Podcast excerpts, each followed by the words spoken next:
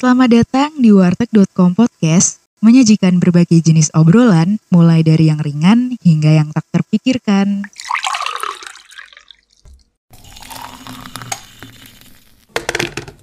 Halo, kali ini uh, warteg.com podcast kedatangan tamu spesial.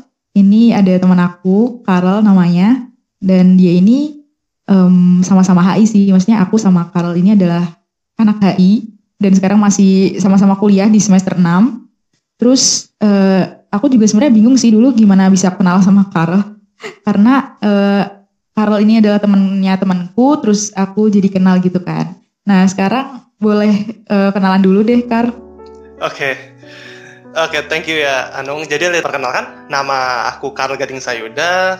Sekarang aku lagi kuliah di apa namanya? Presiden University, jurusan Hubungan Internasional, konsentrasinya di Strategic and Defense Studies. Nah, kalau misalkan ditanya gimana aku bisa kenalan sama Anung ya literally dari Agung ya. Agung yang memang Oh iya. Agung yang apa ngasih tahu, "Eh Karol, ini ada yang suka yang suka politik juga katanya." Oh ya udahlah, aku langsung ini kan tanya itu and then ya udah dari situ koneksinya terus uh, temenan and then sampai sekarang kan. Gitu. Iya, bener. Bener banget. Oh iya, kalau misalkan di webinar gitu kan, uh, kalau ada GS-nya itu tuh pasti disebutin gitu kan achievementnya. Aduh. By the way di sini uh, aku lihatnya kalau Carol ini tuh orangnya ini sih uh, aktif banget sama produktif. Nulis di IDN Time, ya kan? Tulisannya banyak banget, ya ampun. Bisa dicek aja di IDN Times-nya dia. Terus juga Ya, betul. Terus aku lihatnya dia juga ini sih pernah jadi sekjen MUN, Aduh. iya gak sih? itu ya ya betul itu betul Keren banget. Terus dia juga award di XL Future Leader. aduh di expose semua ya di sini di expose semua ya iya, maksudnya biar teman-teman tuh ngerti gitu loh. Siap, siap, kayak siap, guest speakernya dari warteg.com itu nggak ini, nggak main-main. wah iya siap ya paling hits ya kata aku masih ingat tuh kata Agung kemarin tuh paling hits se HI Undip ya Aduh. katanya ya Aduh, itu mah Agung udah aku kasih duit duluan itu di awal. aduh Gak nggak bercanda. siap siap siap Oh iya, Karo, kan eh, kita ini sering banget kan, eh bukan sering sih, ya cukup cukup sering gitu dulu ngebahas hal-hal yang sifatnya itu bisa dibilang high politik dan juga lebih ke tradisional gitu. Disclaimer dulu tuh dulu eh, maksud kita tradisional itu apa? Kalau di hubungan internasional kita ngomong isu tradisional itu lebih ke kayak eh, yang berkaitan sama perang gitu. Jadi itu eh, perdamaian itu tuh digambarkan dengan keti- ketiadaan perang gitu. Nah di sini juga eh, Carol ini kan fokusnya udah tau lah ya, maksudnya dia pasti ngerti banget gitu soal-soal perang gitu, soal ya konflik-konflik kayak gitu. Nah kemarin nih, kemarin tuh sekitar tanggal 7 atau tanggal berapa gitu, aku tuh lihat sosial media rame banget, banyak yang nge-repost, terus juga banyak hashtag. Anjir motor ya ampun. Sorry sorry. Oke lanjut. Terus eh, banyak juga yang nge-repost kayak donasi gitu kan buat Palestina gitu. Nah aku jadi baca tuh beritanya ada apa. Nah ternyata ada kerusuhan gitu. Lagi rame gitu. Sebenarnya bukan lagi rame sih konflik ini kayak rame lagi lebih tepatnya.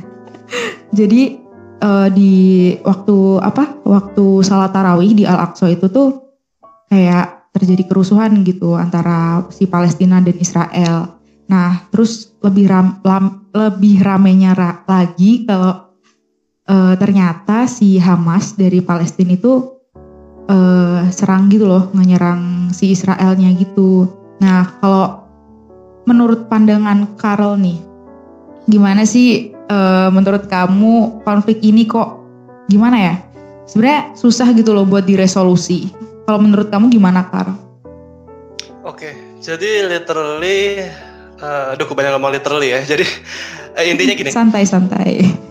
Kalau ngelihat konflik Palestina dan Israel itu tentu harus ngelihat sejarahnya ya, karena sejarahnya itu udah panjang banget dan kalau ditanyakan kenapa susah sekali untuk menemukan resolusinya atau menemukan jalan tengahnya secara damai, eh, itu bisa kalau sebenarnya kita itu sebetulnya kalau dilihat baik-baik diplomasi itu kan udah sering dipakai ya dari berbagai negara termasuk Indonesia juga berusaha mendamaikan kedua belah pihak. Tapi benar, dari bertahun-tahun kan, bertahun-tahun dari setelah perang terakhir, perang uh, apa enam hari kan, uh, Yom Kippur sama apa namanya Israel sama Mesir itu perang terakhir yang untuk dan dan notabene-nya ya demi Palestina lah dalam bisa dikatakan seperti itu. Tapi kalau melihat situasi di situ adalah setelah itu kan banyak negara-negara lain akhirnya membuka diplomasi, terutama negara-negara Arab ya, membuka diplomasi dengan Israel. Terus mereka berharap dengan membuka diplomasi ini Israel bisa lebih kayak ya udahlah at least kasih uh, Palestina full kemerdekaannya yaitu menghargai apa tanahnya, menghargai teritorinya dan menghargai masyarakatnya. Itu yang diharapkan kan. Tapi semakin lama ini semakin sampai tahun sekarang sampai tahun 2021 kita ngelihat kan jadi kayak efeknya apa? Yang ada tuh sekarang Israel terus apa namanya? ngambil ngecaplok wilayah-wilayah yang ada di tepi barat. Tapi mereka tidak bisa mencaplok yang di, di, di Gaza. Kenapa? Karena ada Hamas. Karena Israel dan tanda kutip takut sama Hamas kalau mereka misalkan berani mencaplok ya. Sedangkan di yeah. tepi barat kan lebih apa? Boleh dikatakan dia tidak begitu kuat pertahanannya ketimbang di Gaza. Jadi kalau melihat di sini uh, sulit untuk menemukan jalan tengah ketika negara tersebut ada negara kuat dan tanda arti adalah Israel ini kan memang leverage diplomasinya kuat banget ya, apalagi dia didukung oleh Amerika Serikat. Nah kalau negara yang udah didukung sama Amerika Serikat, you know what happen ya. Jadi agak sulit untuk uh -uh. uh, mendesak negara ini untuk acknowledge sesuatu kan, untuk mengakui benar, sesuatu. Benar. Nah jadi dari kayak gitu kan sulit akhirnya negara-negara yang lain kayak for example kayak uh, apa namanya Arab Saudi berusaha untuk menekan misalkan menekan uh, Israel supaya menghargai Palestina atau Turki uh, mendesak Israel untuk menghargai Palestina. Sulit kenapa? Karena negara dua ini juga Israel sama Turki juga butuh Amerika Serikat gitu loh. Nanti Amerika Serikat malah ngasih kayak malah ngasih uh, notabene-nya sanksi ke siapa? ke mereka cuma gara-gara Israel ini dan ini memang agak sulit konfliknya dan ini memang kompleks dan kalau ditanya bagaimana cara diplomasinya sulit untuk ditemukan jalan diplomasi dan aku masih ingat tuh kata satu presiden yaitu presidennya Mesir dia bilang satu-satunya cara untuk menyelesaikan masalah Palestina dan Israel adalah dengan cara perang. Itu jawabannya. Nggak bisa menemukan dengan diplomasi. Kenapa? Karena diplomasi hanya akan memperlama dan memperlambat uh, apa namanya penjajahan Palestina. Jadi jawaban utamanya adalah perang. Itu menurut si siapa namanya? Nasser presidennya waktu itu hmm. emang involved sama apa Palestina eh, sama Israel konflik saat itu. Iya sih. Dan kalau misalkan kita belajar di HI ya, eh, perang itu tuh merupakan salah satu hal yang legal juga gitu loh dan ada aturannya gitu. Jadi kalau misalkan proses diplomasi, negosiasi gitu udah nggak bisa, ya udah jalan satu-satunya ya tinggal perang gitu kan. Betul nah, sekali. Uh, tapi di sini gini banyak banget orang yang mungkin mempertanyakan gitu.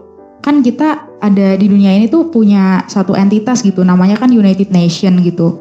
Kenapa sih kok malah UN itu seakan-akan gak bisa nyelesain masalah gitu. Padahal ya kalau menurut aku tuh uh, kita lihat konteksnya ya Israel Palestina itu udah anarki banget gitu loh, ya gak sih? Betul sekali. Nah, sedangkan kalau misalkan kondisinya anarki gitu tuh nggak ada uh, mereka itu udah berpikir nggak akan ada satu entitas lain yang lebih tinggi dari negara gitu loh. Sedangkan si UN itu kan cuman organisasi internasional kan. Jadinya ya uh, apa pun resolusinya tentang konflik ini tuh kayak nggak bakal apa ya nggak bakal membuahkan hasil gitu. Kalau menurut kamu gimana sih Kak tentang ini?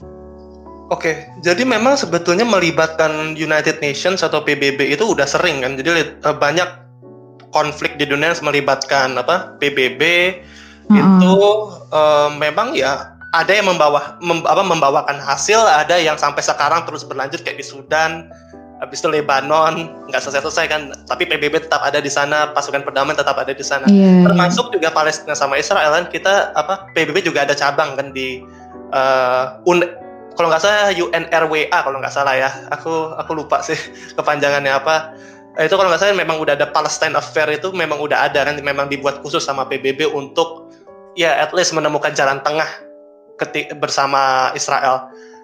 Memang kondisinya adalah uh, gimana ya? Ketika negara itu sulit untuk menerima apa masukan terutama desakan itu tentunya akan akan sulit juga menerima des, menerima apa ya? menerima sebuah permintaan khusus dari salah satu organisasi tertinggi dunia yaitu PBB. Dan sebetulnya kalau kita ngelihat uh, konflik ini kan Palestina sama Israel, si siapa namanya Israel ini sebetulnya itu sudah memang menganggap dirinya ya. Aku boleh katakan ini mereka udah menganggap seperti udah lepas dari pengaruh uh, hukum internasional. Salah satunya adalah salah satu contoh kenapa mereka kurang mempercayai UN dan lain-lain ini. Salah satu contohnya adalah ketika uh, international apa international tribunal itu menganggap uh, prajurit IDF Israeli Defense Force atau pasukan uh, pasukan pertahanan Israel itu telah melakukan kejahatan perang melawan masyarakat Palestina terhadap masyarakat Palestina. Nah tapi hmm tapi pemerintah Israel menyatakan bahwa yang dinyatakan oleh International Tribunal ini salah. Jadi kayak uh, mereka tidak akan mengakui dan hal ini juga didukung oleh paman Sam, sahabat dekat dari mm-hmm. Israel. Jadi uh, dengan leverage yang begitu besar dan pengaruh sekutu yang kuat sekali yaitu Amerika Serikat terutama kalau apalagi kita ngomongin UN ya yang ngasih dana terbanyak kan Babang Amerika ya. Babang Amerika suka ngasih banyak duit kan dan itu akhirnya membuat mereka paling punya pengaruh besar untuk di apa? di PBB sini. Jadi literally susah sekali untuk uh, apa namanya memang mendesak Israel ini untuk mengikuti uh, eh, UN karena mereka tahu saya yakin kenapa karena di UN sini saya sudah punya banyak sekutu negara-negara di Eropa juga ada paling uh, di negara di Eropa juga banyak yang bersekutu dengan Israel kan for example salah satunya adalah uh, Austria nih. Austria barusan aja di, di gedung parlemennya ngangkatin bendera apa? Bendera Israel di samping bendera Austria. Uh, Austria. Itu salah satu contoh bahwa memang Israel ini pengaruh diplomasi itu udah kuat banget di negara Eropa di mana mereka memang memiliki pengaruh yang cukup di uh, organisasi internasional tersebut. Jadi pas ditanya kenapa UN lambat sekali, kenapa UN itu, karena memang banyak yang menahannya. Jadi diplomasi itu banyak ditahan oleh negara-negara paling berpengaruh ini. Jadi kenapa UN nggak bisa kayak kirim pasukan perdamaian? Dia pasti akan diveto sama Amerika Serikat, pasti akan diveto sama Inggris, pasti akan diveto sama Prancis. Seperti itu. Mungkin Rusia sama Tiongkok akan mendukung hal seperti ini, tapi sisanya negara Barat akan menolak ide seperti itu. Jadi memang sulit sekali untuk melibatkan entitas apa internasional.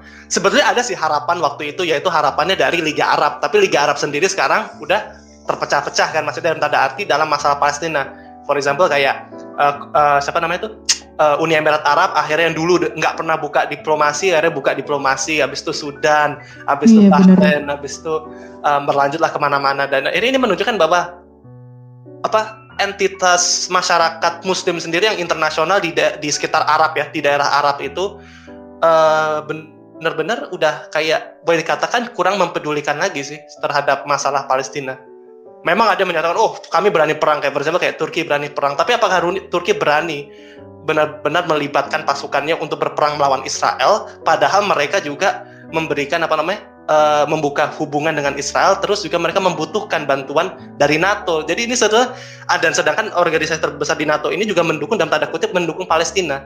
For example kayak yang anggota terbesarnya dari Amerika Serikat uh, Prancis, Inggris itu kan mereka dalam tanda kutip memang mendukung gitu loh apa namanya uh, Israel. Jadi ini sulit banget kalau kenapa secara memang dilibatkan internasional itu memang situasinya memang terbelah. Jadi dunia terbelah ya. Kalau tidak ada apa namanya tidak united terhadap masalah sesuatu ini, dia nggak akan berhasil apa-apa, tidak akan menimbulkan efek apa-apa.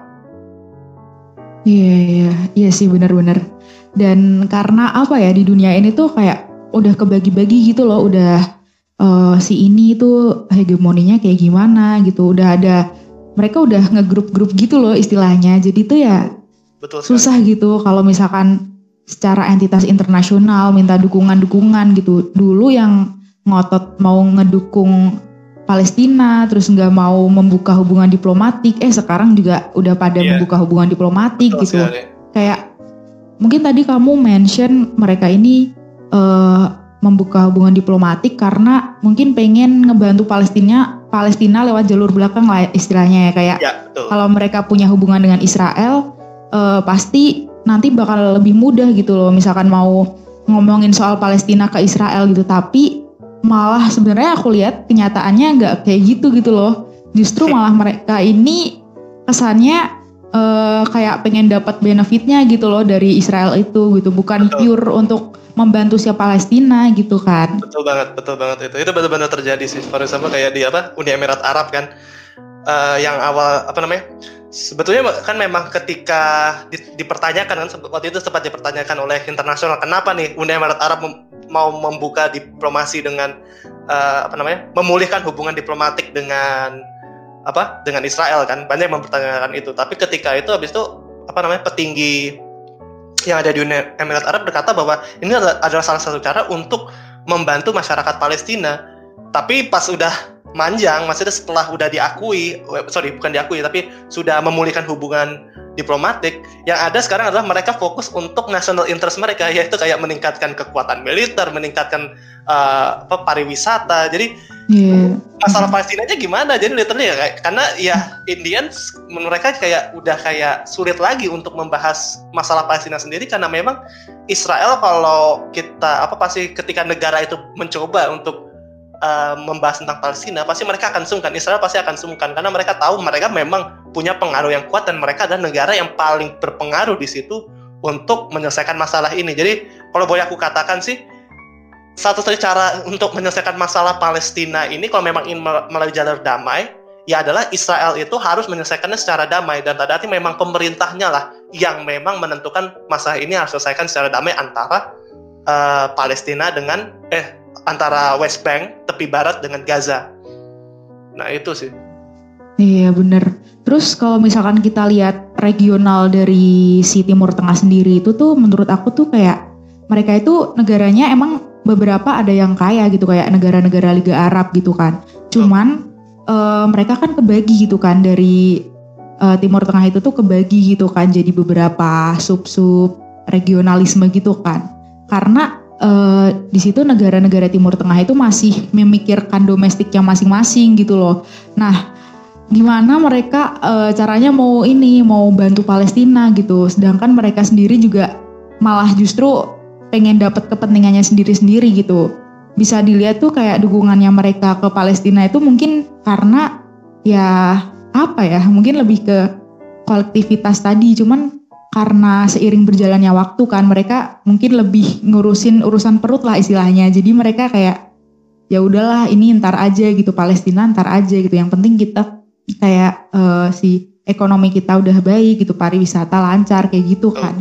Terus juga kalau misalkan gini Kar, banyak tuh orang yang lihat konflik ini tuh sebatas konflik agama gitu antara agama Islam yang mana Islam itu mungkin representasinya Palestina gitu. Terus uh, versus uh, Yahudi gitu atau si Israel ini gitu. Padahal sebenarnya realitanya itu yang kayak ya kompleksitasnya itu kayak yang dijelasin Karl tadi kayak panjang banget gitu loh. Dan uh, menurut kamu gimana Karl? Kayak orang-orang yang masih berpikiran kayak gini gitu. Terutama orang-orang Indonesia Oke, sebetulnya menganggap konteks agama sebetulnya itu tidak salah juga sebetulnya ya. Uh, tapi ini memang representasinya memang kenapa kita menganggap seperti agama karena ini kita mereka membawa dari masa lampau dari masa-masa apa pertama terutama masa apa uh, ini ya masa uh, nabi. mas, setelah masa nabi sedikit setelah di oh, atas masa nabi. Jadi kayak zamannya uh, apa Salahaddin jadi zaman-zamannya ketika kekhalifahan apa? Kekhalifahan uh, di di apa? Kekhalifahan Muslim, Islam di apa namanya di di Timur Tengah tuh sangat kuat dan mem memang pengaruhnya waktu itu waktu itu bertempur melawan ini apa namanya? Lebih ke apa? Apa sih namanya itu si ini uh, salib itu siapa? Eh, pejuang-pejuang salib. Jadi kayak jadi waktu pertempuran perang salib ini kan itu kan antara Salahuddin Salahaddin melawan apa tiga kerajaan besar di apa di di Eropa. Dan itu juga ada yang katanya melibatkan Yahudi ya itu. Dan dia memang di saat itulah memang kekuatan Islam memang begitu kuat. Terus uh, mereka menduduki apa uh, kekuatan ini akhirnya dapat uh, menguasai Yerusalem dan akhirnya uh, memberikan dan tanda kutip adalah itulah yang representasi yang sebenarnya. Ya memang kalau memang melihat sejarah ya memang seperti itu. Tapi kalau memang melihat ini ini konfliknya memang luas sekali dan jika ditanyakan apakah ini memang bisa membawa agama atau tidak, menurut aku ya uh, sebetulnya memang bisa. Kenapa? Karena literally uh, masalah ini memang uh, adalah masalah antara uh, masyarakat Muslim yang memang mayoritasnya Arab, tapi juga bukan hanya antara Muslim dan Yahudi saja, karena di Palestina sendiri ada juga namanya Kristen Ortodoks, Kristen Katolik. Jadi mereka literally uh, berusaha untuk mendapatkan hak-hak mereka. Tapi jika dilihat dalam konteks besar, uh, konteks ini konteks khususnya, ini sebetulnya bukanlah masalah agama, tapi ini lebih masalah politik. Politiknya itu adalah uh, politik antara Hamas, otorit Hamas di Gaza, otoritas Palestina yaitu yang ada di apa? Ramallah. Ramallah itu wilayah di tepi barat dengan yang ada di Tel Aviv. Aku nggak mau nyebutin ya uh, ibu kota Israel itu Yerusalem karena ibu kota Israel itu di Tel Aviv bukan Yerusalem. Yeah. nah, jadi uh, situasinya itu kalau misalnya politis ini memang agak sulit untuk di, di, di apa namanya di, uh, diselesaikan dan ini masalah ini hanya bisa diselesaikan kalau ketiga pihak ini yaitu Hamas, habis itu otoritas Palestina sama Israel mau nimbrung bareng. Tapi sulitnya adalah si Israel ini udah nganggap Hamas sebagai organisasi terlarang atau organisasi teroris kan. Dan otoritas Palestina sendiri yang ada di Ramallah itu juga bermusuhan dengan Gaza. Kenapa? bukan dengan Gaza tapi dengan Hamas uh, karena si siapa namanya Hamas ini mereka tuh memang gimana ya bentrok interestnya Hamas dengan bentrok interestnya otoritas Palestina yaitu yang dipimpin oleh presiden siapa? Presiden Palestina sekarang. Jadi dengan sulitnya kayak gini ya ini ketahuan aja jadi Palestina sama apa otoritas Palestina yang ada di uh, tepi barat sama di Gaza itu berbeda interestnya. Karena yang megang kekuasaan sendiri itu udah berbeda. Dah gimana kalau mereka misalkan berbeda ini yang udah politisnya interestnya berbeda terus mau dapat bersatu melawan uh, melawan uh, penindasan yang dilakukan oleh uh, Israel gitu jadi itu sebenarnya kalau dalam politis jadi itu sebetulnya itu faktanya jadi kalau misalnya kita nggak melihat fakta dua ini ya mungkin orang-orang akan langsung beranggapan itu masalah agama tapi kalau misalnya kita memang menggali lebih dalam melihat apa berita mereka sebetulnya memang rivalitas itu terjadi antara Hamas dengan otoritas Palestina. Jadi kalau misalnya mereka berdua ini nggak bisa on the on the common ground or on the same ground, ya sulit untuk bersatu. Ya mungkin untuk saat ini ya, contohnya waktu itu yang masa di Yerusalem, uh, otoritas apa otoritas Palestina terpaksa kayak apa melawan uh, dalam tanda kutip melawan yang melawan apa uh, tindakan kejam yang ada di apa yang dilakukan oleh uh, polisi Israel di ini di apa namanya di Masjid Al Aqsa terus da, sebagai bentuk rasa apa namanya rasa uh, common feeling atau rasa kebersamaan Hamas retaliate juga dengan menembakkan ini menembakkan apa roket mereka ke Yerusalem untuk pertama kalinya setelah 2014 perang yang 2014 untuk pertama kali mereka menembakkan ke Israel dan sampai sekarang uh, sampai sorry 2014 itu menembakkan ke Yerusalem. Dan sekarang terus perang dan ini lebih tambah kacau. Kenapa? Karena memang akhirnya mungkin dapat terjadi lagi agresi yang lebih besar lagi seperti tahun 2014 oleh uh, apa oleh Israel.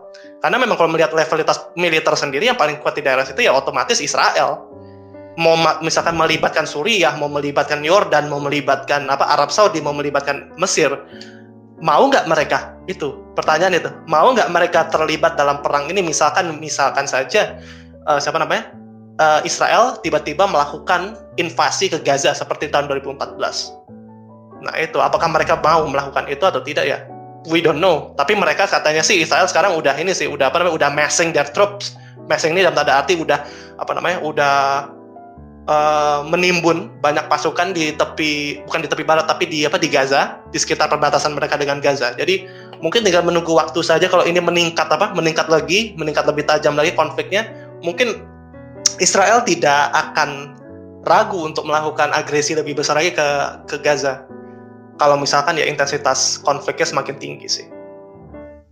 Iya dan sebenarnya sih kalau menurut menurut aku eh, pasti intensitas konfliknya itu bakal tinggi sih Kar. Karena ya tadi konflik ini tuh emang sih kalau misalkan kita tarik ulur gitu ke secara historisnya mungkin ada ada gitulah sedikit-sedikit gitu tentang agama gitu. Bahkan juga di kitab pun juga dijelaskan gitu kan. Karena mungkin masing-masing eh, pihak itu berpikir kalau tanah itu tuh adalah tanah yang dijanjikan Tuhan buat mereka gitu kan cuman eh, kenapa kayaknya resolusinya bakal sulit karena ya tadi gitu ketika kita udah ngelihat gitu kan kompleksitasnya konflik ini itu tuh udah kayak merembet banget ke kepentingan, ke ekonomi, terus bahkan juga kelompok ekstremis, politik, hegemoni gitu-gitu kan. Jadi kayak sebenarnya tuh ya gimana ya, pokoknya mungkin banyak orang yang bingung gitu loh tentang konflik ini gitu. Dan sebenarnya ya aku pengennya kayak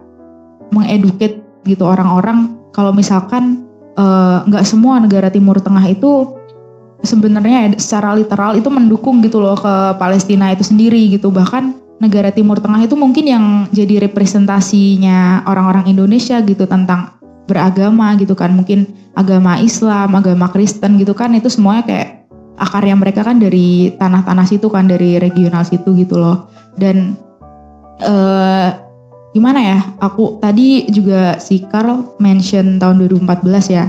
Betul. Kayaknya tuh 2014 eh, rame-ramenya juga itu kayaknya pas mau mepet bulan eh pokoknya pas bulan Ramadan gak sih? Aku tuh ingetnya soalnya waktu ini bulan Ramadan gitu tuh rame banget. Gaza dulu yang di ini kan yeah. kayak mau dianeksasi gitu sama si Israel uh, gimana ya kalau menurut kamu tuh prospek masa depannya gimana kalau kayak kita sekarang pura-pura aja sih jadi orang expert gitu. Sebenarnya kita emang bukan expert ya di sini disclaimer dulu. Jadi kalau ya, misalkan iya belum belum. Kalau misalkan ada salah atau apa ya tolong dibenerin gitu loh. Soalnya ya kita bukan expert tapi kita di sini berusaha buat riset gitu lah. Jadi makanya apa yang kita omongin ini juga sebenarnya berdasarkan riset gitu. Kalau menurut kamu Karl, pura-puranya aja jadi expert gitu. prediksi kamu uh, di masa depan kayak gimana? Tadi kan kamu udah mention gitu, tapi kamu kayak ngomongnya kita nggak tahu gitu apakah nanti di masa depan mungkin intensitasnya makin gimana gitu. Kalau ngelihat ini, tapi aku uh, tanya dulu ini. Ini mau masa depan -hmm. yang sekarang, maksudnya kayak yang konfliknya, maksudnya ini dalam tanda arti adalah konflik yang lagi panas sekarang atau di masa yang akan datang lagi kayak beberapa tahun kemudian apakah seperti itu atau mau gimana? ya sebenarnya di masa depan gak usah jauh-jauh kayak mungkin setelah ini gitu setelah si ini kan lagi rame gitu kan oh, mungkin okay. setelah ini kamu bakal berpikir bakal ada apa lagi gitu oke okay. Jadi kalau aku ngelihat dari berkaca dari tahun 2014 ya uh, situasinya akan kayak gini lagi maksudnya dalam tanda arti adalah uh, konflik Israel sama Palestina ini ada ticking bomb ya jadi bom yang berdetik yang berdetak gitu loh jadi kayak uh, kita nggak akan tahu kapan dia akan pecah lagi, tapi kita tahu pasti akan lagi gitu.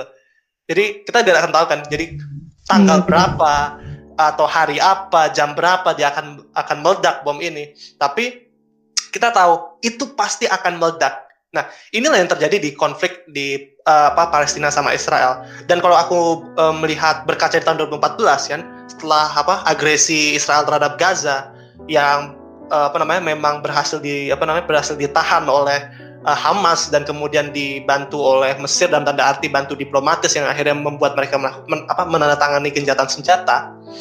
Ini memang kalau ke depannya mungkin akan gini lagi. Jadi kayak mungkin nanti akan Mesir akan terlibat lagi untuk sebagai apa namanya sebagai uh, pihak tengahnya karena memang pengaruh memang dari dulu setelah apa namanya setelah Mesir ikut penandatanganan di Camp David ya kalau nggak salah pokoknya intinya uh, hubungan yang baik lah antara Mesir sama Israel itu membuat akhirnya mereka bisa membantu dan arti mem menjadi pemain ketiga atau pihak penengah untuk memediasi uh, konflik antara Palestina sama Israel. Jadi kalau misalkan sekarang memang lagi panas nih kan, jadi kita masih ngelihat ini situasi masih berkembang banget. Jadi I'm not sure apakah akan lebih parah dari tahun 2014 ataupun uh, dapat di apa, dapat didamaikan lebih cepat. Aku juga nggak tahu dan aku berharap sih dapat didamaikan lebih cepat dari ketimbang memang menyulut api yang lebih parah lagi yaitu perang total melawan Hamas gitu. Karena dapat dipastikan kalau memang terjadi perang total antara Israel sama Hamas, korbannya akan lebih banyak lagi. Dan tidak hanya untuk warga Palestina tapi juga untuk warga apa namanya warga Israel jadi harusnya pemerintah yang ada Tel Aviv harusnya mengerti sih untuk tidak menekan sekali terhadap situasi sekarang tapi kalau aku lihat lagi ke depannya apakah masalah ini dapat didamaikan atau tidak I'm not sure. I'm really not sure apakah ini bisa benar-benar damai ataupun uh, selesai konflik ini antara Israel sama Palestina. Kenapa? Karena Palestina ini semakin lama itu apalagi di tepi barat tuh semakin wilayah kan semakin dicaplok sama siapa? Sama Israel kan. Dan kalau semakin lama dunia tetap menganggap ini konflik yang apa namanya? Konflik yang gimana ya? Apa namanya itu? Kontinuitasnya tuh sangat ini sangat apa namanya sangat tidak menentu maka bisa saja tepi barat nanti hilang dalam tanda arti tepi barat udah dicaplok full oleh ini siapa oleh Israel jadi sisanya cuma sisa Gaza karena sampai sekarang kita melihat dari tahun 2014, bukan hanya dari 2014 ya, tapi udah dari dari tahun 2000-an kan. Siapa namanya? Israel kan udah sering mencaplok tepi barat itu. Dan itu PBB berkali-kali mengatakan bahwa cap apa tindakan yang dilakukan oleh apa namanya oleh Israel itu ada tindakan ilegal. Mereka udah berkata itu berkali-kali beratus-ratus dunia udah berkali-kali eh, dan beratus-ratus apa mencekam uh, mencekam lagi mengecam apa namanya mengecam tindakan Israel tapi apa yang saya lakukan? Tetap diam saja kan? Eh apa? Eh, tetap uh, lakukan adalah tetap melanjutkan aja kayak like what what's wrong? Jadi kayak I don't really care about you.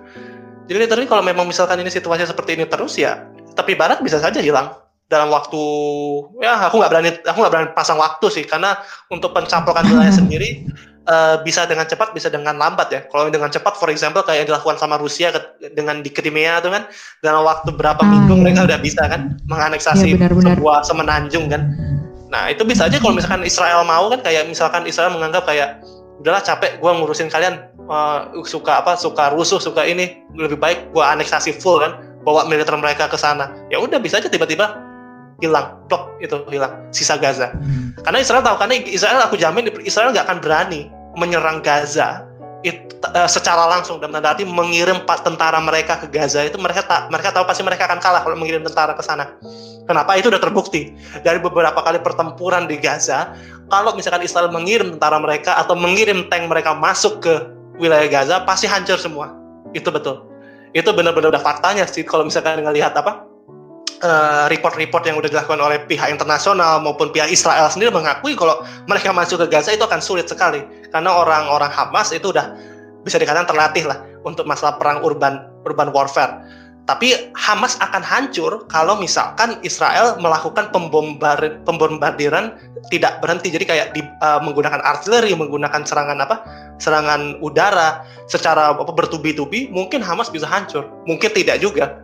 Nah, jadi dan aku nggak yakin sih apa Israel akan menghabiskan seluruh stok peluru mereka apa bom mereka hanya untuk ke Gaza itu tidak mungkin sekali, itu tidak realistis juga. Jadi mungkin Israel apa Israel kalau misalkan situasinya kayak gini terus maksudnya ke depannya tetap apa konstan kayak gini yaitu orang-orang kayak cuma mengkecam aja nggak ada berani melakukan apa-apa kayak uh, ya dan tanda kutip tidak berani melakukan agresi terhadap Israel sendiri ya Israel akan bisa saja mencaplok tepi barat Nah, tapi kata tapi aku masih ingat ini uh, Ibu Retno kemarin sempat ngomong kalau nggak salah Ibu apa uh, Menteri Luar Negeri kita bilang uh, Indonesia akan terus apa namanya mendukung Palestina. Ya ini memang udah menjadi kewajiban kita sebagai negara yang dari dulu mendukung Palestina dan apa namanya uh, kita juga akan terus menekankan bahwa kita tetap ikut dalam mencoba untuk ini apa namanya uh, apa sih namanya itu uh, melakukan bukan melakukan sanksi sih tapi lebih boykot ya. Melakukan boykot terhadap produk-produk Israel. Tapi aku aku pikir kan kayak gini emang efeknya apa mereka itu udah punya pasar besar di Amerika Serikat, mereka udah punya pasar besar di Eropa. Memang efek itu apa? Efek dari boykot tidak akan ada efek yang bisa apa-apa. Boykot sendiri tidak akan bisa menekan Israel untuk mengatakan, oke okay, saya takluk, saya akhirnya mau berdamai dengan Palestina. Itu nggak mungkin. Boykot itu memang cara yang paling lembut ya, soft. It's very a soft way to apa namanya? untuk menekan sebuah negara, tapi kita lihat tuh efeknya ada nggak ke Israel itu loh kalau memang tidak ada efek, kita cuma mempermainkan waktu saja. Jadi kita sedang tanda kutip, kita cuma kayak menyuruh orang-orang Palestina ini bilang sabar ya, kami kami sedang berusaha kok di sini. Cuma gitu aja. Berusahanya apa ya? Cuma berusaha untuk boykot, tapi nggak ada efeknya apa-apa. Nah gitu loh. Iya sih. Kan itu memang udah sering kan dari dulu kita menekan kita boykot produk Israel. Aku tanya memang ada produk Israel yang masuk ke dalam apa Indonesia? Ya mungkin ada sih lewat black market, lewat via Singapura ya, karena Singapura kan buka buka apa namanya hubungan diplomasi sama sama Israel ya tapi ya again apa efeknya di Indonesia? Mungkin negara-negara Arab kayak apa? Arab Saudi, uh, habis itu siapa namanya? Uh, Mesir dan lain-lain yang memang punya hubungan diplomasi dan melakukan apa? Uh, perdagangan dengan apa perdagangan dengan Israel mungkin mereka dapat mengurangi tapi terus kayak apakah Israel itu berdampak besar terhadap Israel? Ya menurut aku sih nggak akan ada berdampak ekonomi apa apa toh pasar terbesar mereka ada di Amerika Serikat sama Eropa. Apa yang harus mereka takutin? Dan aku tanya juga orang Eropa yang memang berapa persen yang mau ngikutin apa namanya uh, gerakan boykot uh, apa gerakan boykot produk-produk Israel? Jadi literally itu nggak akan ada gunanya. Jadi efek diplomasi seperti itu tidak akan gunanya. Ya kalau memang mau mencari jalan yang terbaik, masih dalam tanda arti ada memang ingin memberikan efek yang besar sekali untuk masyarakat Palestina, ini dulu apa namanya harus berani melakukan ini sih apa namanya harus berani melakukan sesuatu yang memang di luar di luar dugaan Israel, yaitu ya kalau kalau kalau boleh dikatakan ya perang itu. Jadi aku masih kayak berkata kalau memang mau memberikan efek paling dahsyat paling dahsyat untuk Israel supaya mempertimbangkan aksi mereka, kita harus uh, harus ditunjukkan bahwa apa namanya? Uh, bahwa masyarakat Arab, terutama orang-orang yang ada di Timur Tengah, negara-negara di Timur Tengah ini tetap bersatu terhadap Palestina. Dan kami akan berani melaksanakan perang lagi melawan Israel, gitu. Seperti apa yang dilakukan di tahun 1948, 1967 kan, waktu perang-perang yang di awal itu kan, tapi kalah dua-duanya sih, dua-duanya sih mereka kalah ya, apa masyarakat uh, Liga Arab kalah melawan melawan Israel. Tapi apakah um, mungkinkah is, apa namanya Israel bisa dikalahkan ketika perang? Aku jawab sih ya bisa jadi bisa enggak. Tapi karena kan Israel ini kan didukung oleh salah satu negara terkuat di dunia, Amerika Serikat. Semua senjatanya bukan semua sih, mayoritas senjatanya Israel itu yang memang bukan dibuat dalam negeri, itu kan disuplai dari uh, Amerika Serikat dan Amerika Serikat sendiri juga ngasih dana ataupun potongan harga untuk senjatanya khusus untuk Israel gitu. Jadi literally ini ini memang ya sulit sekali kalau misalkan orang berkata harus apa sih ada jalan damai yang bisa dicapai. Ya good luck with that. Tapi aku tetap berkata bahwa selama kita tidak ada pukulan keras yang bisa diberikan oleh pihak ataupun apa namanya entitas internasional terhadap Israel konflik ini akan berkepanjangan dan bisa saja Palestina dalam tanda kutip hilang. Itu. Hmm, oke. Okay. Eh, jadi gini ya, Kar, kayak sebenarnya kalau misalkan dibilang gitu negara yang mendukung si Palestina ini udah makin banyak udah kayak sebenarnya cuman ngomong doang gitu loh kayak istilahnya ya kita mengecam mengecam gitu doang kan tapi sebenarnya tuh kalau misalkan dilihat-lihat masih banyak gitu negara oki yang masih mendukung Palestina gitu. Maksudnya masih enggak membuka hubungan diplomatik dengan Israel.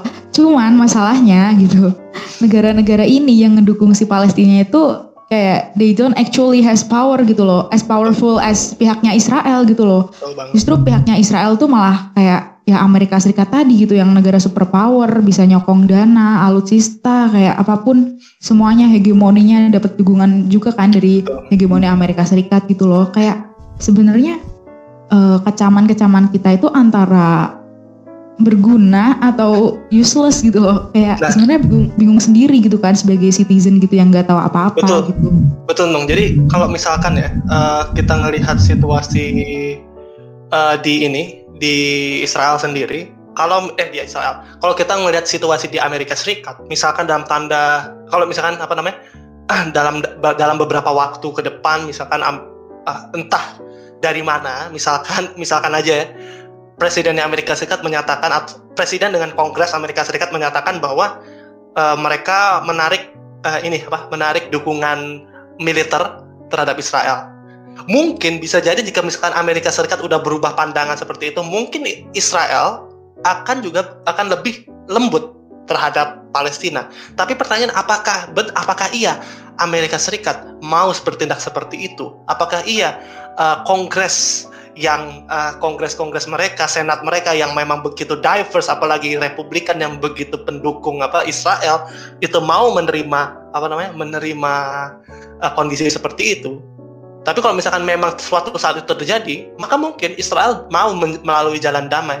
Jadi intinya adalah ketika negara-negara besar ini mulai menarik dukungan mereka, mungkin akan Israel pasti apa namanya akan mencari jalan damai dan tanda arti kenapa? Karena tidak ada lagi dukungan yang uh, yang memberikan efek kuat kepada mereka itu bisa uh, bisa lagi mendukung mereka di apa di pentas internasional maupun secara domestik dalam tanda arti penyuplaian senjata dan lain-lain, uang dan lain-lain ya. Nah, kalau misalkan itu suatu saat itu terjadi ya mungkin apa namanya Israel bisa saja kayak menyelesaikan konflik mereka dengan uh, Palestina. Tapi pertanyaannya memang mungkin itu. Ya, selama menurut aku sih kayak selama Republikan masih eksis ya dengan value yang mendukung Israel itu kayaknya mustahil gitu loh AS Amerika Serikat bakal ngedukung Israel buat calm downin ini serangan ke Palestina kayaknya tetap bakal aneksasi. Nah itu itu sempat juga kan kemarin kalau nggak salah itu aku nonton juru bicaranya apa juru bicaranya Menteri Luar Negeri Amerika Serikat itu sempat ditanya tuh uh, apa sama ini sama Al Jazeera atau sama siapa gitu aku lupa itu dari salah satu wartawan di sana. Dia sempat ditanya, e, bagaimana pandangan uh, Anda terhadap kondisi yang Palestina sekarang? Dia, dia malah ngomong gini, ya kami surut prihatin terhadap serangan yang dilakukan Hamas terhadap Israel. Habis itu ketika, ketika ditanya, apakah Palestina memiliki hak untuk mempertahankan diri mereka atau self defense kan? Karena kan uh, Israel menyatakan bahwa aksi mereka mengebom Gaza merupakan aksi dari self defense atau mempertahankan diri kan. Nah, itu sempat ditanya tuh sama salah satu wartawannya apakah Palestina memiliki hak self defense juga ketika Israel melakukan itu? Siapa namanya? Si wartawan Amerika eh si wartawan lagi. Si juru bicara apa? Menteri Luar Negerinya Amerika Serikat sendiri kan dia ngomong kayak secara diplomatis kan dia ngomongnya ya kami cuma bisa melihat situasi sekarang. Jadi melihat situasi yang sedang berkembang dan situasi ini sungguh kompleks. Tapi ya kami tetap akan terus mengecam semua tindakan yang apa yang melukai ataupun mencederai uh, pemasyarakat Israel seperti yang dilakukan oleh Hamas. Jadi dia tuh tidak uh, tap, apa berusaha berpaling dari pertanyaan itu ketika ditanya apakah Palestina itu diberikan hak untuk self defense terhadap Israel. Nah, jadi literally memang apa namanya? Padahal kan presiden sekarang Demokrat kan. Padahal presiden sekarang Biden itu hmm. Demokrat dan pasti pastikan kan orang-orangnya juga orangnya orang yang memang ber, berhaluan Demokrat yang dan ada adik berhaluan Demokrat adalah berhaluan sayap kiri yang berarti liberal. Tapi ngelihat kondisi sekarang mereka memang mas, pas apa masih mendukung penuh uh, kemerdekaan uh, bukan kemerdekaan masih mendukung penuh pemerintahan Israel. Jadi memang ya sudah sekali. Ya susah. Terus kemarin juga aku dengar eh dengar baca ini ada baca tweet menarik gitu kan kan uh, si sebenarnya si Amerika Serikat ini kayak seakan-akan ngomong kalau misalkan Hamas nyerang Israel itu bakal melukai masyarakatnya betul. juga gitu kan. Betul Terus betul. dibilang gini tweetnya, kalau misalkan pokoknya pakai bahasa Inggris sih, pokoknya intinya gini, kalau misalkan kamu nyalahin Hamas nyerang Israel itu sama aja kamu nyalahin korban pelecehan seksual gara-gara dia dilecehkan gara-gara pakai pakaian minim katanya gitu. Make sense okay. gak? Oke, okay, that's that's kinda ini sih, that's kinda strange ya. wow, what? Well, that's funny sih. Ya, tapi ya gimana ya? Karena di dunia ini ya, selama negaranya itu tidak memang memberikan kebebasan Anda mau berpikir seperti apa, mau berpendapat seperti apa, ya boleh-boleh saja dia mau ber, ber, berpendapat seperti itu ya. Tapi kalau misalkan aku sendiri menganggapnya kayak apa apa connect apa uh, nexusnya tuh apa? Jadi relasinya tuh apa terhadap si apa namanya mendukung Hamas sama pelecehan seksual kayak out of context banget gitu loh. Tapi ya kalau misalnya dia mau berpandangan seperti itu ya it's up to him or her, it's up to them lah. Kalau mau berpikir seperti itu, tapi ya again orang yang pintar, maksudnya orang yang memang mengerti kondisi konflik itu kayak lah lu ngomongin apa ya? Apa connect apa apa konektivitas antara ini dengan ini. Jadi kayak what are you, what are you talking about gitu loh kayak are you even real gitu are you even exist in this world jadi kayak what's wrong gitu jadi aku kayak bingung juga sih kalau misalkan aku disuruh tanggapi itu mungkin kayak lu paling jawab gini aja sih ya terserah lu lah bebas lah lo mau ngomong apa aja gue capek Iya ini sama aja kayak ini dulu waktu aku SMP kalau nggak salah itu kan dulu waktu 2014 itu kan ramai juga kan yang Betul. serangan itu kan. Nah terus uh, dulu tuh aku bikin ini save waktu itu masih pakai Facebook ya save mm. Palestina gitu save Gaza gitu kan. Terus mm. ada yang komen kamu itu Kristen ngapain kamu ikut ikutan ini belain Palestina katanya kayak Aduh.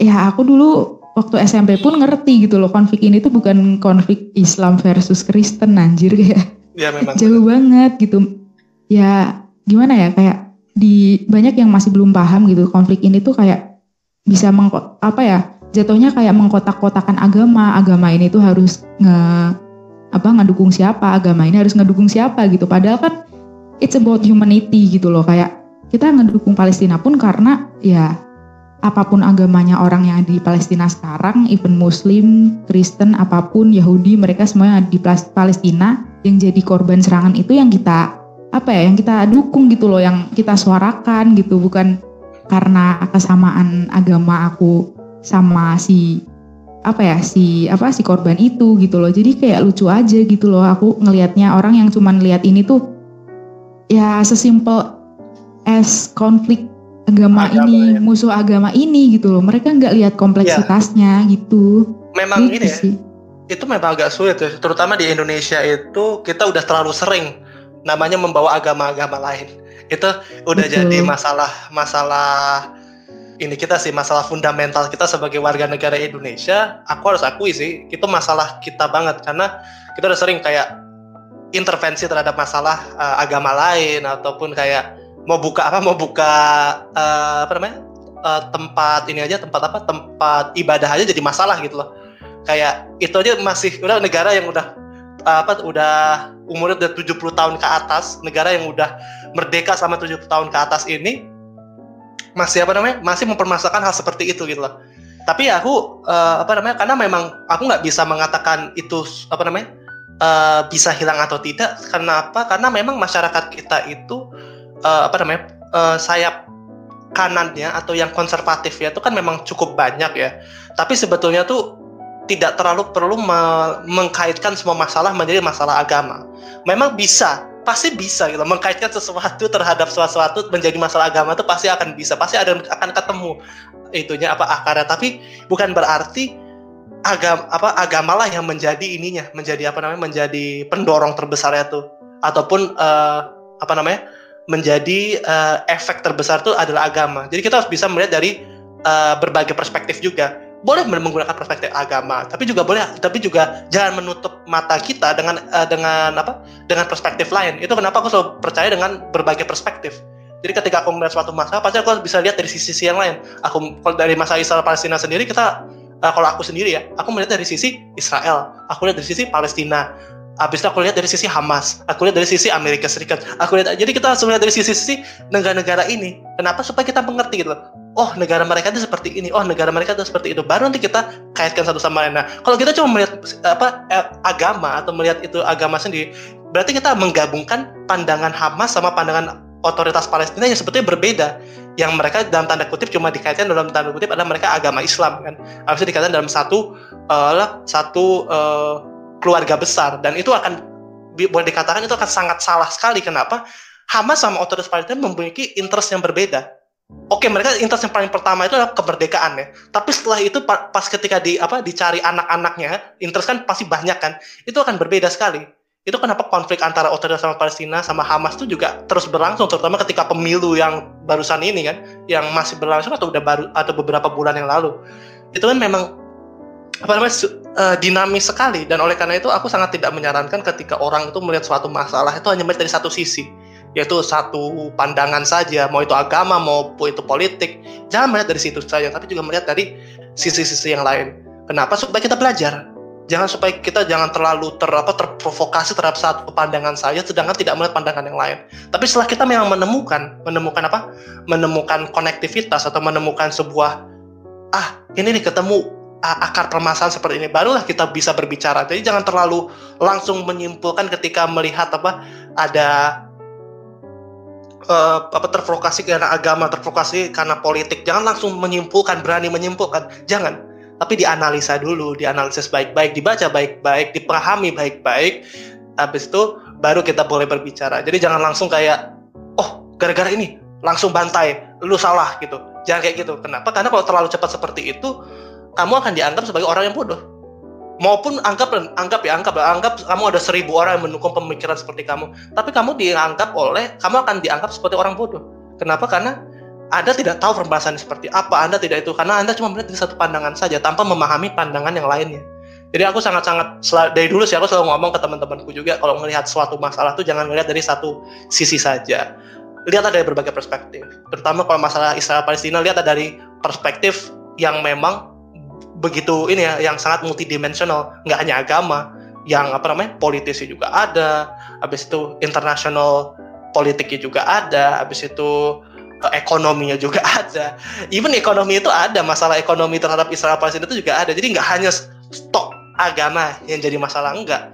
Tapi yang memang satu salah satu cara sih I have to say dan I have to uh, I'm sad to say this, but again in Indonesia yang satu-satunya salah satu cara untuk mengajak orang yang paling cepat itu menggunakan agama. Memang seperti ah, iya, itu. benar-benar. Bener banget sih. Ini Bapak Karl sudah mulai emosi nih kalau ngomongan kayak gini. enggak, enggak, enggak. Bukan emosi, tapi memang apa? Memang berusaha. Pembawaannya kayak gitu ya? iya, memang pembawaannya kayak gitu. Tapi intinya ini sih, kalau intinya itu kita harus berusaha menyeimbangkan sih. Tapi aku juga tidak bisa menyalahkan orang yang memang mau menggunakan apa pandangan agama aja mau menggunakan pandangan politik aja itu kebebasan mereka ya kan di negara yeah. ini iya. juga di di apa di negara ini juga dihargai kan mereka mau menggunakan pandangan apa tapi jangan ini tapi jangan memaksakan orang lain untuk mau menggunakan pandangan itu saja gitu loh kalau misalkan nih ada orang yang udah menggunakan berbagai perspektif tapi pas sudah habis itu bentrok sama orang yang cuma menggunakan satu perspektif. Nah, yang satu orang perspektif ini jangan mendesak orang yang lima perspektif ini ataupun berbagai perspektif itu untuk meng, apa namanya untuk uh, mengaknowledge pandangan yang dari satu perspektif ini. Begitu pula yang uh, yang apa yang multidimen apa perspektif itu dia nggak boleh mendesak orang ini orang yang apa namanya orang yang satu perspektif ini untuk menerima pemikiran dia juga. Kenapa? Karena pasti akan konflik kan karena satu orang satu, yang satunya lagi lima, ya, ataupun banyak kan, pasti beda kan, beda pandangan dan impian kan. Yang perlu adalah kita berdialog saja. Nah berdialog, berdam, apa namanya, uh, ngomong kayak gini, kayak ngomong damai gitu, ngomong santuy. Kita gitu. podcast aja sih kita. ya intinya gitu kan. Ini kita ngobrol aja, ngobrol bareng, gini-gini gini. Habis itu kalau oh, pandangan kamu seperti itu, oh, aku mengerti. Tapi kalau pandangan lu seperti ini, udah gitu kan ngomong itu. Tapi kalau misalnya ditanya, kira-kira caranya gimana? Nah, ber, ber, berundinglah kita mencari titik tengah seperti apa, seperti itu. Jadi jangan terlalu apa ya terlalu orang bilang ini terlalu bukan terlalu radikal what do you call it uh, ini terlalu uh, apa ya kalau orang dulu tuh ngomongnya kalau orang dulu kalau Jerman tuh kan orang-orangnya tuh begitu orang-orangnya fasis ya orangnya tuh lebih ke orang yang apa namanya oh jangan terlalu ini jangan terlalu Ya, kayak jangan terlalu fanatik ya? gitu ya. Ah iya fanatik betul. Aku ingatnya fasis bukan fanatik. ya ampun. jangan terlalu fanatik terhadap satu pandangan saja karena itu bisa membawa kita ke pandangan yang salah dan uh, bukan pandangan itu bisa membawa kita ke jawaban yang salah, penyimpulan yang salah juga. Jadi oleh karena itu ya intinya jangan terlalu inilah terlalu cepat menyimpulkan dan kalau bisa melihat dari pandangan lain. Tapi kalau misalnya memang nggak mau ya udah, intinya itu kebebasan lu lah sebagai manusia mau seperti apa. Tapi intinya jangan terlalu banyak memaksa, terlalu sering apa pun jangan terlalu sering. Jangan pernah memaksakan orang untuk menerima pendapatmu itu loh. Iya benar banget. Ya intinya gitulah. Pokoknya konflik ini tuh ya itulah. Iya konflik ini memang, juga. Konflik ini memang sulit untuk untuk dia kompleks untuk kompleks sekali. Jadi kalau misalkan uh, orang berkata, kok konflik ini nggak kompleks, konflik ini memang apa namanya, uh, ini konflik fix konflik agama gitu kayak, iya nggak gitu juga bang. Kalau ini konflik agama, kenapa kita nggak bersatu habis itu perang jihad sama mereka? Kalau kita misalkan Islam gitu loh. Nah itu, lu bisa aja ngomongin ke Indonesia, habis itu ngomongin ke presiden kan bilang, ayo pak kita jihad lawan Israel. Ya nggak bisa. Kenapa? Kita butuh Amerika. Amerika kita butuh militernya kita butuh ekonominya. Kita nggak bisa langsung ke sana. Nah, itu pemerintahan mementingkan itu juga. Begitu pula dengan negara-negara di Arab. Itu Arab Saudi itu apa namanya Jordan itu Mesir. Itu kenapa mereka nggak berani lagi mau perang lawan apa? Perang lawan itu karena mereka udah ketergantungan dengan negara-negara yang kayak tadi aku bilang itu kayak negara-negara Barat Amerika Eropa itu mereka hmm. udah terlalu ketergantungan kan iya nah, jangankan kita Arab iya. aja kayak sulit sama mereka gitu kan, sulit. kan sama negara-negara barat itu nah tapi ya. kenapa nah nih kalau kenapa dulu hmm. mereka berani perang Kenapa dulu mereka berani perang melawan Israel kan tahun 1948 1967? Karena dulu tahun 1948 sampai 67 Arab-Arab sana yang terutama kayak siapa? Mesir, uh, Suriah, Lebanon, habis itu uh, apa namanya? negara negara-negara yang mendukung lagi uh, ada beberapa lagi itu mereka dapat persenjataannya dari mana? Dari Uni Soviet. Mereka bergantungannya sama Uni Soviet, sama Rusia. Jadi bukan ke Amerika Serikat, jadi dia namanya kayak eh no apa kayak nggak ada yang gue nggak tergantung sama Amerika ya who cares like ya udah gue serang gitu tapi sekarang udah berbeda kenapa karena Uni Soviet udah runtuh mereka butuh perlindungan yang baru? Mungkin Suriah enggak ya? Suriah masih ke Rusia. Tapi ya masa cuma cuma Suriah sendiri yang perang lawan Israel sedangkan dia masih ada masalah domestik di apa perang saudara di negara. Jadi it's un, very unlikely. Dan Lebanon sekarang yang udah hancur kan? Maksudnya dalam tadi hancur adalah memang ya apa kondisi negaranya memang lagi hancur lebur banget dan mereka masih membutuhkan pembangunan, mereka nggak akan mungkin bisa berperang melawan Israel. Sedangkan Yordan, Arab Saudi, dan satu lagi apa Mesir, I'm not sure apakah mereka willing to risk their apa their uh, fruitful relationship dengan Amerika Serikat. Karena uh, ya itulah kompleksnya international politics ya. Dan boleh dikatakan ininya juga sih. The dark side of international politics seperti itu. Jadi jangan terlalu apa ya jangan terlalu berpikir mudah sekali bahwa setiap negara bisa berperang setiap negara bisa apa namanya mau uh, membawa seluruh masyarakatnya untuk ikut terhadap konflik seperti ini. Karena kan banyak yang apa semakin modern sekarang kita semakin apa semakin erat satu sama lain semakin membutuhkan satu sama lain dan itu sulitnya kita untuk kayak terlibat dalam perang seperti zaman zamannya ini ya perang dunia pertama zamannya Napoleon yang dulu nggak ada kooperasi sama sekali. Intinya operasi berdasarkan national interest ataupun mercantilism ya yang bisa perdagangan dan lain-lain yang paling apa yang paling kompleks. Tapi aku nggak kenal seperti itu karena itu terlalu jauh. Ya tapi intinya sekarang agak ini sih. Kita uh, harus ini aja sih harus terus mem, terus memperhatikan konflik ini dan konflik ini akan semakin dahsyat sih kelihatannya untuk ke depan untuk dalam beberapa minggu ke depan. Dan aku harap sih enggak sih. Kenapa? Karena yang pasti akan menjadi korban terbanyak adalah masyarakat di Gaza bukan di otoritas, bukan di tepi barat tapi di Gaza. Kenapa yang ber, yang Israel bisa bom cuma di Gaza? Kenapa justifikasinya ada Hamas di sana? Sedangkan di apa di tepi barat dia nggak ada justifikasi buat ngebom uh, masyarakat ini, masyarakat tepi barat dan memang tepi barat tidak memiliki senjata. Yang memiliki senjata cuma Hamas kan dan di Gaza. Jadi pastinya kalau misalkan ini perang terus berlanjut, korbannya bisa berjatuh lebih banyak lagi.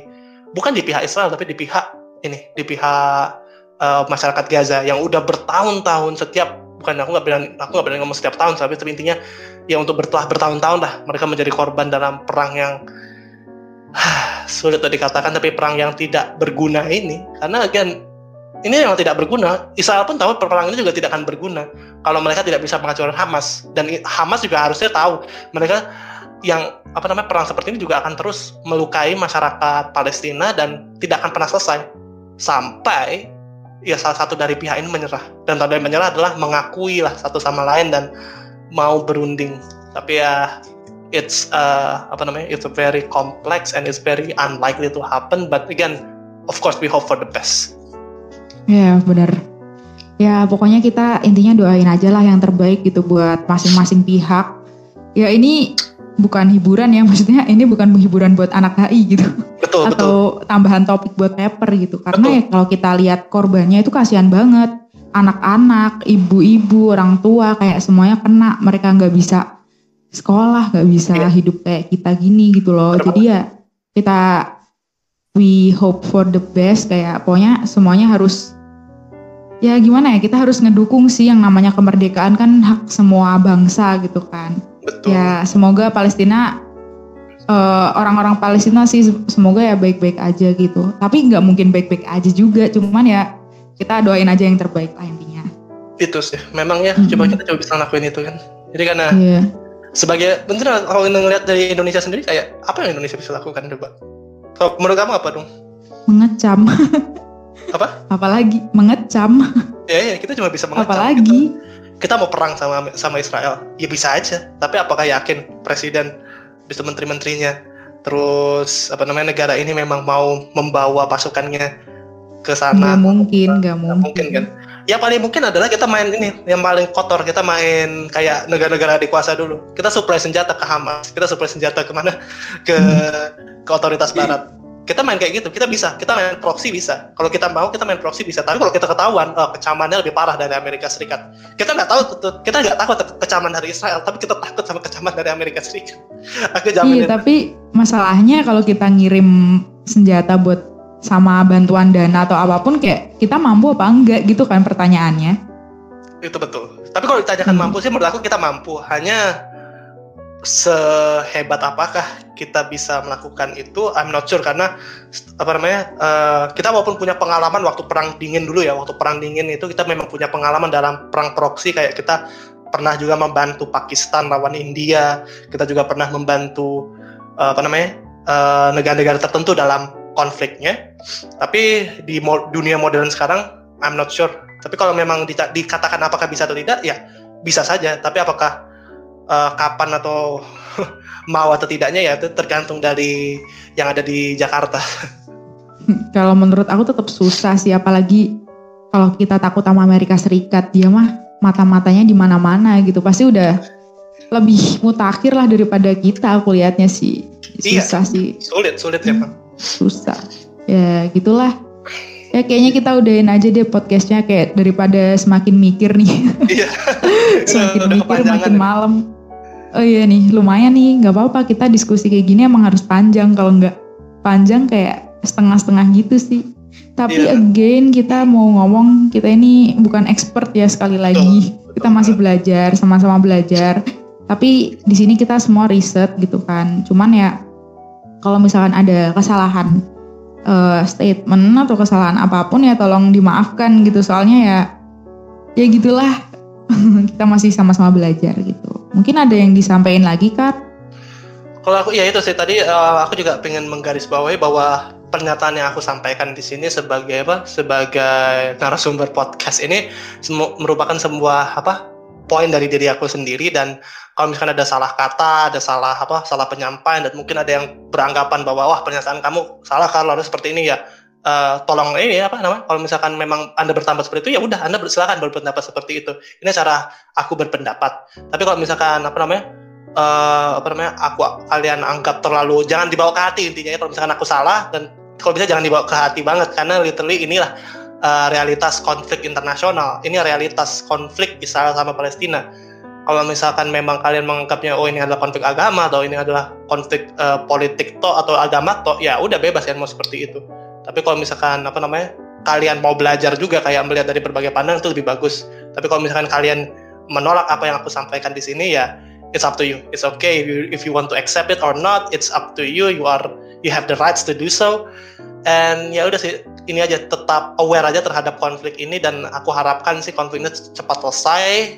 Walaupun kita nggak tahu kapan ini dapat selesainya, tapi setidaknya jangan sampai ada pertumpahan darah lagi sih. Itu aja dari aku. Ya amin. Eh, makasih ya Kar udah nemenin di podcast kali ini. Buat teman-teman yang udah dengerin juga makasih. Semoga kalian dapat sesuatu lah dari podcast ini gitu. At least kalian ngerti gitu kan pandangan-pandangan kita sama konflik Palestina Israel ini. Eh, mungkin buat updateannya eh, bisa teman-teman bisa lihat di sosial media kami, udah ada di bio-nya. Terima kasih udah mendengarkan. Bye. Bye bye. Oke, selesai.